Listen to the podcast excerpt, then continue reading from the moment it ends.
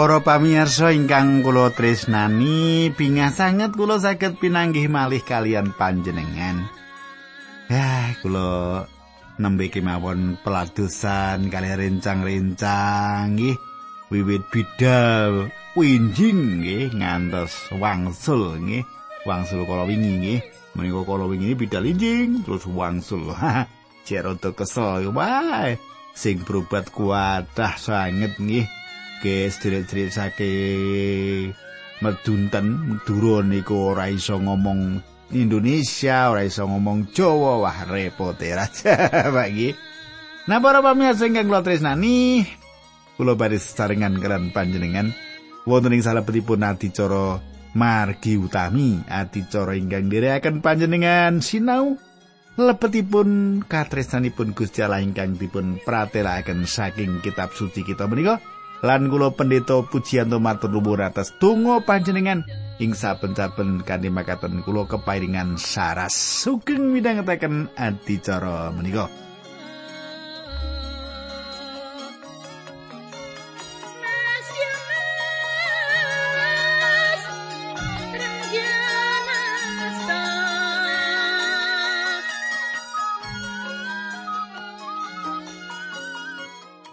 Para pamirsa kados padatan kula badhe ngaturaken menapa ingkang kula aturaken untuk pepanggihan kepengker.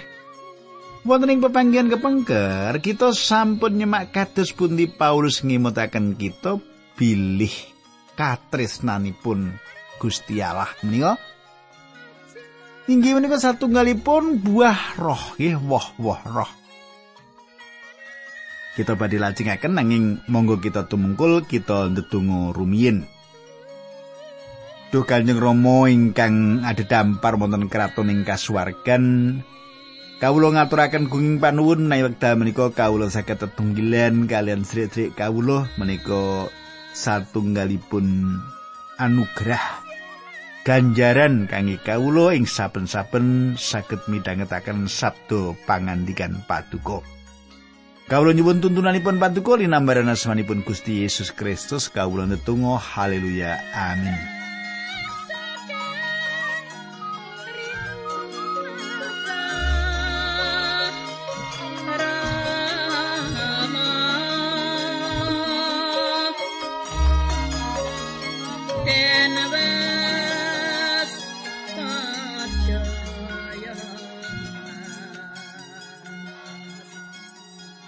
Pamirsa ing wanci menika kita sampun ngancik serat Rom 13 anggen kita sinau. Lan kula badhe wacaaken wiwit ayat 11 ngantos 13 rumiyin mangke badhe kula aturi keterangan-keterangan. Makaten suraosipun ing basa petinan. Perkara tresna tinresnan kuwi kudu padha kok tindake sebab kowe ngerti yen saiki mangsane kowe padha tangi saka nggonmu turu sebab mangsane nggon kita padha keslametake kuwi saiki wis luwih cedhak ketimbang karo dek biyen nalika kita manjing percaya. Pengine wis mentek, saiki wis meh raina mula ayo padha mareni nglakoni penggawe kang dilakoni ana ing pepeteng lan ayo padha nggunakake gegamaning perang ana ing padangan para pamirsa. Paulus ngandikaken perkawis menika 1900 tahun kepengker lan tentu kemawon Jaman kita anggenipun sanjang radin desek awit dintenipun Gusti tambah caket. Kulo nyobi ngaturaken kados pundi kulo ngwerdekaken awit kowe ngerti wektu lan mangsani. Yaiku wektune kowe tangi turu awit saiki keselamatan kita luwih cerak tinimbang kang kita yakini. Bengi wis kepungkur, bengi wis ora ana lan awan wis teko awit saka iku kita kudu mbuwang pegawean pepeteng lan ayo kita nganggo ngrasuk gegamaning pepadang. Para pamirsa, wonten jam weker ingkang mungel kangge mungokaken tiang-tiang pitados ingkang sampun kebacut tileming jagat menika lan sampun nyupekaken anggenipun masrahaken badan pribadinipun sakwetahing dumateng Gusti Allah. Wanci menika sanes mangsanipun putra Allah gesang kangge perkawis-perkawis ingkang saking jagat menika kathah tiang Kristen sugih ingkang badhe kewirangan wekdal Gusti rawuh. Pinten gunggungipun duit tabungan panjenengan? Menapa panjenengan ginakaken wekdal panjenengan lan menapa barang darbe panjenengan sampun kapisungsungaken dumateng Gusti Allah. Sarene semono gedhening sih rahmati Gusti Allah marang kita para sedulur, mulane kowe padha nyaosno badanmu, badan sawetahipun dumateng Gusti Allah. Pangandikan menika mlebeting nalar. Inggih patrap ingkang kados makaten menika ingkang kedah panjenengan tindakaken para mitra kula. Para pamirsa menawi kita saestu-estu ngatosaken rawuhipun malih. Rawuhipun malih Gusti Yesus Kristus kekayutan lelampahan menika saged andhesaken kita nyucikaken kesan kita. Setunggal Yohanes 3 ayat 3 nyerat sok wong sing duwe pangarep-arep mengkono ing Sang Kristus. Padha nucekno awakne dhewe supaya padha resik saka ing dosa kaya dene kaanane Sang Kristus sing suci. Tiang-tiang ingkang gesang nyameni kalian jagat menika salajengipun nganggep badan piyambak dados perangan saking premilenial lan saderengipun kasangsaran ageng lan ngentosi rawuhipun Sang Kristus ingkang sekedap malih rawuh tiang menika mboten jujur.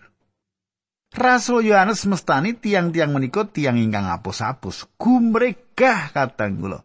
Monggo kita gesang kangge Gusti Allah ing wekdal menika ugi. Ayat 3 Rom 13. Tingkah laku kita sing becik kaya dene wong sing urip ana ing wayah raina. Aja padha ngujo pekareman mangan lan endem-endeman aja laku jina sarta ngumbar nafsu, aja padha tukar padu lan aja kemaren. Para pamirsa kanthi tembung sanes, monggo kita nglampahi gesang kanthi patrap ingkang kinurmatan kados dene kita melampah ing wedal siang. Ampun ing salebetipun jibar-jiburan mendem-mendeman, ampun ing salebetipun ngujawa nepsu lan lampah jina, ampun ing salebetipun cecongkranan meri-merinan. Kita mireng kata sangat kegiatan ing wanci dalu, tiang pitatus dipun sameaken kalian gesang kados dene siang. Tiang-tiang pitatus menika lumampah kados tiang ingkang gadah siang. Ayat 18 Rum 13. Nanging Gusti Yesus Kristus sing nemtokake apa sing kudu kok tindakake karepen aja mung padha nuruti pepinginaning daging sing dosa, mburu marang kemaremane hawa nepsu. Oh, para pamirsa. Pinten gunggungipun tiang pitados ingkang gadah sangu kangge kadas manen nanging boten gadah sangu kangge mlebet wonten ing ngarsanipun Gusti Allah. Panjenengan papan akening papan ingkang utami Sang Kristus menika wonten ing gesang panjenengan lan panjenengan gelaraken pangandikanipun Allah. Inggih menika ingkang penting. Para pamirsa menika kita lumebet ing serat Rum kawan. Pasal menika nuntun kita ing perangan ingkang inggal. Inggih menika pamilah pungkasan saking serat kiriman dumateng pesamaning Rum. Inggih menika pemisahan putra-putra Allah liripun pemisahan menika sejatosipun kula jengkel kalian tiang-tiang Kristen ingkang pinisah lan dipun mligakaken ingkang boten saestu-estu pinisah utawi saestu mligakaken badanipun gesang secara Kristen. Dados nek dadi wong Kristen iki yo pisah karo jagat uripe sing bener gitu. Ora meru jagat ngaten gitu. Nah, kitab suci kan dicetha nyakup kalih-kalihipun kados ingkang sampun kita semak ing pasal saderengipun Tugas tiang Kristen kegayutan kalian negari inggih menika bangun turut. Sedaya tiang kedah bangun turut dumateng paugeranipun negari, kedah bayar pajak lan kedah hormat dumateng para ingkang nyepeng pangwaos. Pasal 13 ugi meratelaken mligi ing salebeting kegayutan tiang pitados kalian sesaminipun. Tiang-tiang Kristen kalau kedah bayar sedaya tagihan-tagihan. Tiang pitados mboten kenging laku bedang, mejahi, nyolong dados seksi palsu, utawi milik darbeipun tiang sanes. Tiang-tiang Kristen kedah nresnani sesaminipun kados dumateng badan piyambak. Tiang pitados kedah jujur lan nebihi jibar-jibur lan mendem-mendeman, cecongkran lan meri. Kitab suci nyebataken perkawis-perkawis menika kanthi cetha sanget. Nanging katang kula, nanging Ing babagan sanes laku jantranipun tiang Kristen kitab suci mboten meratelaken kanthi cetha. Kula namung badhe nyebataken kali perkawis siram sesarengan ingkang kula kajengaken sae kakung mugi tiang setri siram sareng lan ngonsumsi mbako. nggih. Sawetawis daerah nganggep saru menawi tiang jaler lan istri siram sareng. Wonten abdi Gusti ingkang radosi ing satunggalipun daerah siram sareng menika satunggalipun perkawis ingkang limrah. Semanten ugi gegayutan kalian bako wonten sawetawis gereja ingkang meratelaken bilih ngrokok menika dosa. Nanging gereja sanes nganggep ngrokok menika satunggalipun perkawis ingkang limrah. Malah wonten gereja ingkang pengurus lan pendetanipun ngrokok barang kok. gitu. Duga nggih gereja jenengan mestine ya ora. Nah, para pamirsa, menapa siram sesarengan jalar istri menika dipun ijinaken ing satunggalipun daerah lan dipun larang ing daerah sanesipun? Menapa ngerokok menika dipun parengaken ing satunggalipun papan lan dilarang ing papan ingkang sanes? Kula yakinaken panjenengan kula mboten nglepataken salah setunggal saking kekalihipun. Kula mboten badhe ngrembak langkung tebih perkawis-perkawis ingkang andadosaken mangu-mangu ingkang nglangkungi Paulus. Ing perangan menika nyukani watonan-watonan kados pundi ngecakaken patrap minangka dados jejeripun tiang Kristen. Ingkang wonten sesambetanipun kalian perkawis-perkawis ingkang andadosaken mangu-mangu. Paulus nyukani tigang pitedah keyakinan pangrasanipun batin lan tetimbangan. Pitedah ingkang kawitan, tiang Kristen kedah gadah keyakinan atas menapa ingkang dipun tindakaken. Keyakinan atau kesatunggalipun perkawis ingkang dipun raosaken. Menapa tiang menika ngentosi? Menapa ingkang badhe tiang menika tindakaken ing salebetipun jagi-jagi? Lan gadah kekajengan ingkang ngesrong. Ingkang saestu-estu pitedah ingkang kalih pangrasaning manah. Menapa tiang Kristen menika ningali dateng wingking atas ingkang sampun dipun tindakaken? Tanglet ing salebetipun manah menapa piyambakipun ingkang dipun tindakaken kepengker menika leres menapa mboten utawi menapa tiang menika malah sengit dumateng badan piyambak atas menapa ingkang sampun dipun tindakaken. Petunjuk kaping 3 inggih menika nimbang atas tiang sanes. Menapa tiang sanes ngraosaken dipun rugakaken atas menapa ingkang sampun dipun tindakaken kita. Tiga, pitedah menika nyukani watonan-watonan nindakaken patrap gesang ing salebetipun gesang kekristenan.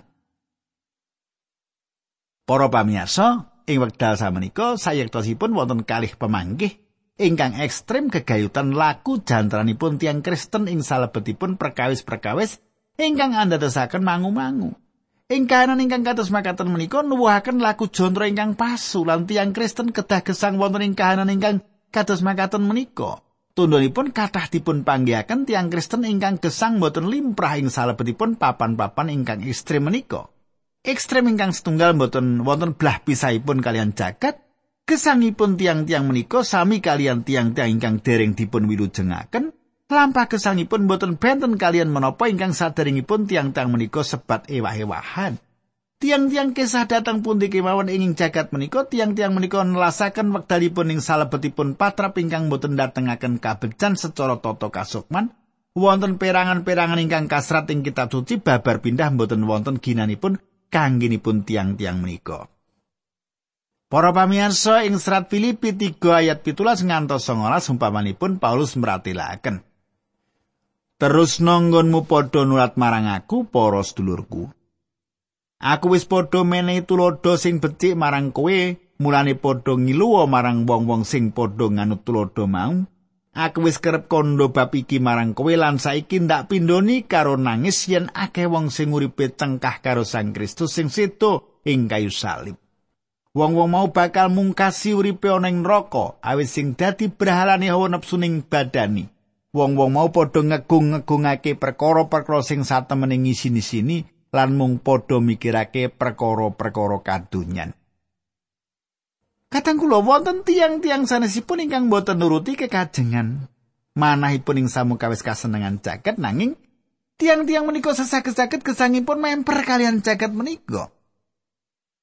Tiang-tiang menika rakus sangat lan dirembak kangge badanipun piyambak. Tiang-tiang menika boten mendem nanging temtu kemawon kewargen. Tiang-tiang menika ugi kathah omonganipun tiang-tiang menika kalebet tukang gosip ingkang limpat Critanipun boten saged dipun pitados para pamirsa.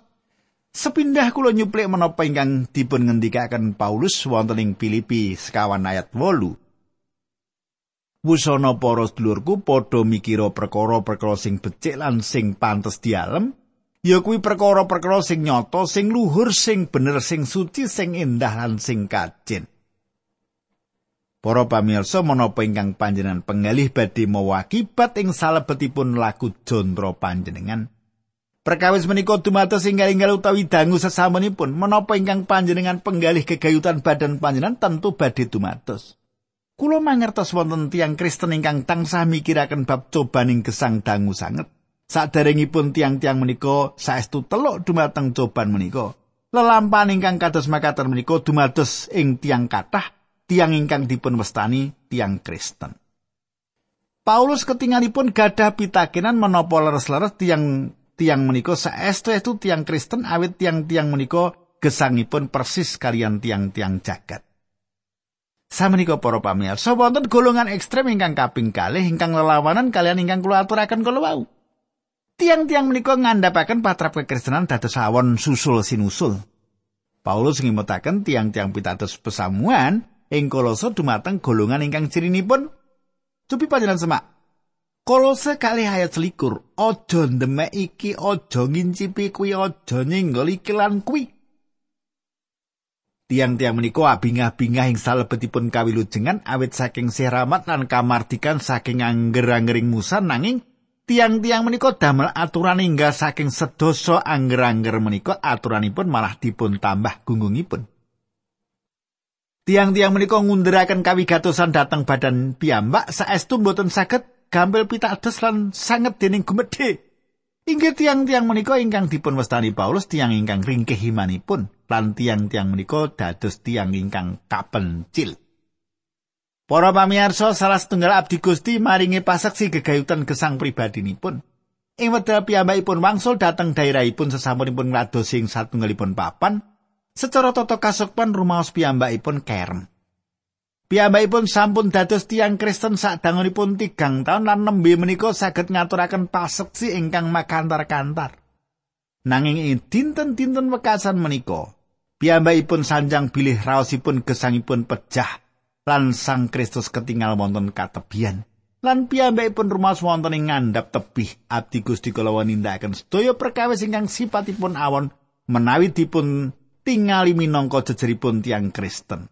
Aja ngrokok mendem main nonton film nganggo paisan. Patra ingkang kados makaten menika mboten andheresaken tiang Kristen rumaos bejo ing kesangipun. Abdi Gusti kala sanjang bilih piyambakipun malah ngraosaken nyangga penandang lan piyambakipun mboten gadah kekajengan lelampan menika dumados. Salajengipun kadang kula Abdi Gusti kalawa nyariosaken gegayutan gesang ingkang sampun kalampahan. Piyambakipun sanjang bilih saderengipun dados tiang Kristen kepengin sanget nggayuh samu barang. Nyambut damel mboten tang wekdal. Menapa kemawon? Nanging samenika lajeng tanglet dhateng badan piyambak. Menapa leripun sedaya ingkang dipun tindakaken sedaya menika? Jagat menika tansah ewah kincir saking awon. Lajeng tambah awon malih. Samu kawis tumuju dumateng karisaan lan satunggal-tunggalipun pengajeng-ajeng nggih menika ngentosi rawuhipun Gusti Yesus Kristus Abdi Gusti menika kahananipun awon. Panjenengan katosaken kados menapa kapencelipun Abdi Gusti kala wau. Nanging kapencel ingkang kados makaten mboten andhatengaken kabinganing gesang menika. Para pamirsa, ing satunggalipun papan saking kalih golongan ekstrem menika wonten perkawis-perkawis ingkang murukaken mangu-mangu babagan tata laku Nanging kedadipun trapaken dening tiang Kristen inggih menika ingkang kedadipun lampahi tiang pitados wonten ing gesang menika. Kula sengaja ngaturi keterangan kathah ing pambuka awit badhe kathah tiang Kristen ingkang bingung saged kapitulungan dening menapa ingkang Paulus gadhahi kangge kita ing pasal ingkang penting menika. Samenika ayat tunggal Rom kawan. Sedulurmu sing ringgih percayani kuwi tanpa lan aja kok ajak debatan bab panemumu dewi. Kanthi tembung sana saiki wong kang ringkih imane tampanen wong-wong iku ing sajroning panunggalanmu nanging ora kanthi metung apa kang dadi kabutan-kabutane kang ndak karepake gegayutan laku jantrane manut panemuni. Para pamirsa tembung saiki nyambungake pasal menika kaliyan ingkang saderengipun. Paugeran katresnan samenika badhe kelampahan. Sasampunipun nglepataken sawetawis perkawis ing perangan pungkasan Rom 13 ingkang boten gadah moral lan nyoto-nyoto lepat kados to mejahi laku jino nyolong dados sesi palsu lan milik samenika Paulus ngimutaken bebayanipun nglepataken perkawis-perkawis ingkang andadosaken mangu-mangu ingkang boten dipun pratilaken wonten ing kitab suci. Wong kang ringkeh imani boten ateges tiang-tiang menika ringkeh ing salebetipun kayektosan ageng Injil. Kasunyatan iman nanging ngarah ing mutu iman. Lewipun iman mangu-mangu dumateng perkawis-perkawis ingkang gegayutan kalian laku jantraning gesang. Tiang menika boten mangertos ingkang kedah dipun tindakaken kanthi ukuran ingkang sampun dipun tetepaken inggih menika kedah ipun tiang-tiang ingkang kedah dipun tampi ing salebetipun patunggilan tiang-tiang pitados. Tentunipun anggenipun nampi kedah kanthi asta kinegar. Para pamirsa panjenengan kenging kemawon mboten sarujuk kalian tiang-tiang ringkih menika nanging panjenengan kedah nampi tiang-tiang ringkih menika menawi tiang-tiang ringkih menika pitados dumateng Gusti Yesus Kristus. Panjenengan boten kenging nampi tiang-tiang ringkih menika kanthi tujuan ngajak padu gegayutan kalian menapa ingkang andadosaken tiang-tiang menika mangu-mangu. Dados tiang pitados boten parikedan lenggah lan ngadili tiang pitados sanesipun gegayutan menapa ingkang andadosaken mangu-mangu gegayutan kalian laku jantranipun gesang. Sawetawis perkawis boten dipun pratelakaken ing salebetipun kitab suci nanging sawetawis tiang pitados nanging sawetawis tiang pitados misahaken badanipun saking perkawis-perkawis menika. Lan menawi tiang-tiang gadah kekajengan nindakaken menika urusanipun. Perkawis-perkawis menika mboten ngandut tujuan misahaken tiang-tiang pitados. The Scofield Reference Bible nyerat ingkang saya tunjukani pitulungan kangge ayat menika gereja mboten gadah wenang netepaken pitakenan-pitakenan kegayutan kebebasan pribadi ing salebetipun perkawis-perkawis ingkang boten dipun nyatakaken bilih menika dipun larang kitab suci. Ayat kali. Ana wong percaya sing duwe panemu yen dheweke mono bebas kena mangan apa wae nanging ana wong sing imane ringkih sing mung mangan sayuran tok. Para pamirsa, ayat menika saged ugi saestu lumawan tiyang ingkang misahaken badanipun secara ekstrim. Para pamirsa ingkang kiat ing salebetipun iman inggih menika tiyang ingkang saged nedha samukawis. Ingkang ringkeh imanipun namung saged nedha sayur-sayuran kemawon. Ingkang kiat mangertos bilih Gusti Yesus ngendikaken sedaya tetedan menika halal. Markus 7 ayat 19. Sebab barang sing mlebu kuwi ora mlebu ing atine, nanging mlebu ing wetenge lan sebanjure bakal metu saka badane. Srana pangandika mau Gusti Yesus nerangake yen kabeh panganan kuwi halal. Sasampunipun toyo bah gitu beno Gusti Allah maringaken sedaya tetedan supados dipun tedha manut perwaning dumadi songo ayat 3 lah kabeh iki kena kok pangan padha kaya tetuan ijo kabeh mau dipasrahke supaya dadi panganmu. Gusti Allah yasa benten-benten antawisipun kewan ingkang halal lan kewan ingkang karam kangge bangsa Israel. Tiang-tiang pitados sampun mangertos bilih prakawis menika mboten lumampah kangge piyambakipun. Awit sang rasul Paulus sing Korinto 8 ayat 8 ngendika mongko sak temene pangan kuwi ora marakake kita luwih cedhak karo Gusti Allah yen kita ora mangan kita ora kapitunan apa-apa mengkono uga saupama kita mangan kita ya ora bati apa-apa. Petrus nyukani satunggalipun wucalan ingkang gampil dipun tindakaken gegayutan pokok menika. Inggih menika ing wekdal piyambakipun wonten ing griyanipun tukang kulit ing Yope para rasul dosa ayat 16 Petrus bombong gegayutan kalian kasunyatan bilih piyambakipun boten nedha tetedan karam. Wah piyambakipun rumah seji lan piyambakipun bombong sang rasul ngendika dumateng piyambakipun Nanging swara mau nuli ngendika meneh marang Rasul Petrus, kowe aja nganggep karam marang sing wis dikalalake dening Gusti Allah. Para pamirsa, matur nuwun sanget panjenengan sampun ngatasaken lan matur nuwun ugi serat-serat panjenengan. Monggo kita tumungkul, kita ndedonga. Dukan swarga kawula ngaturaken gunging panuwun menawi wekdal menika kawula saged midhangetaken sabda pangandikan paduka dinambaran asmanipun Gusti Yesus Kristus kawula ndedonga haleluya. Amin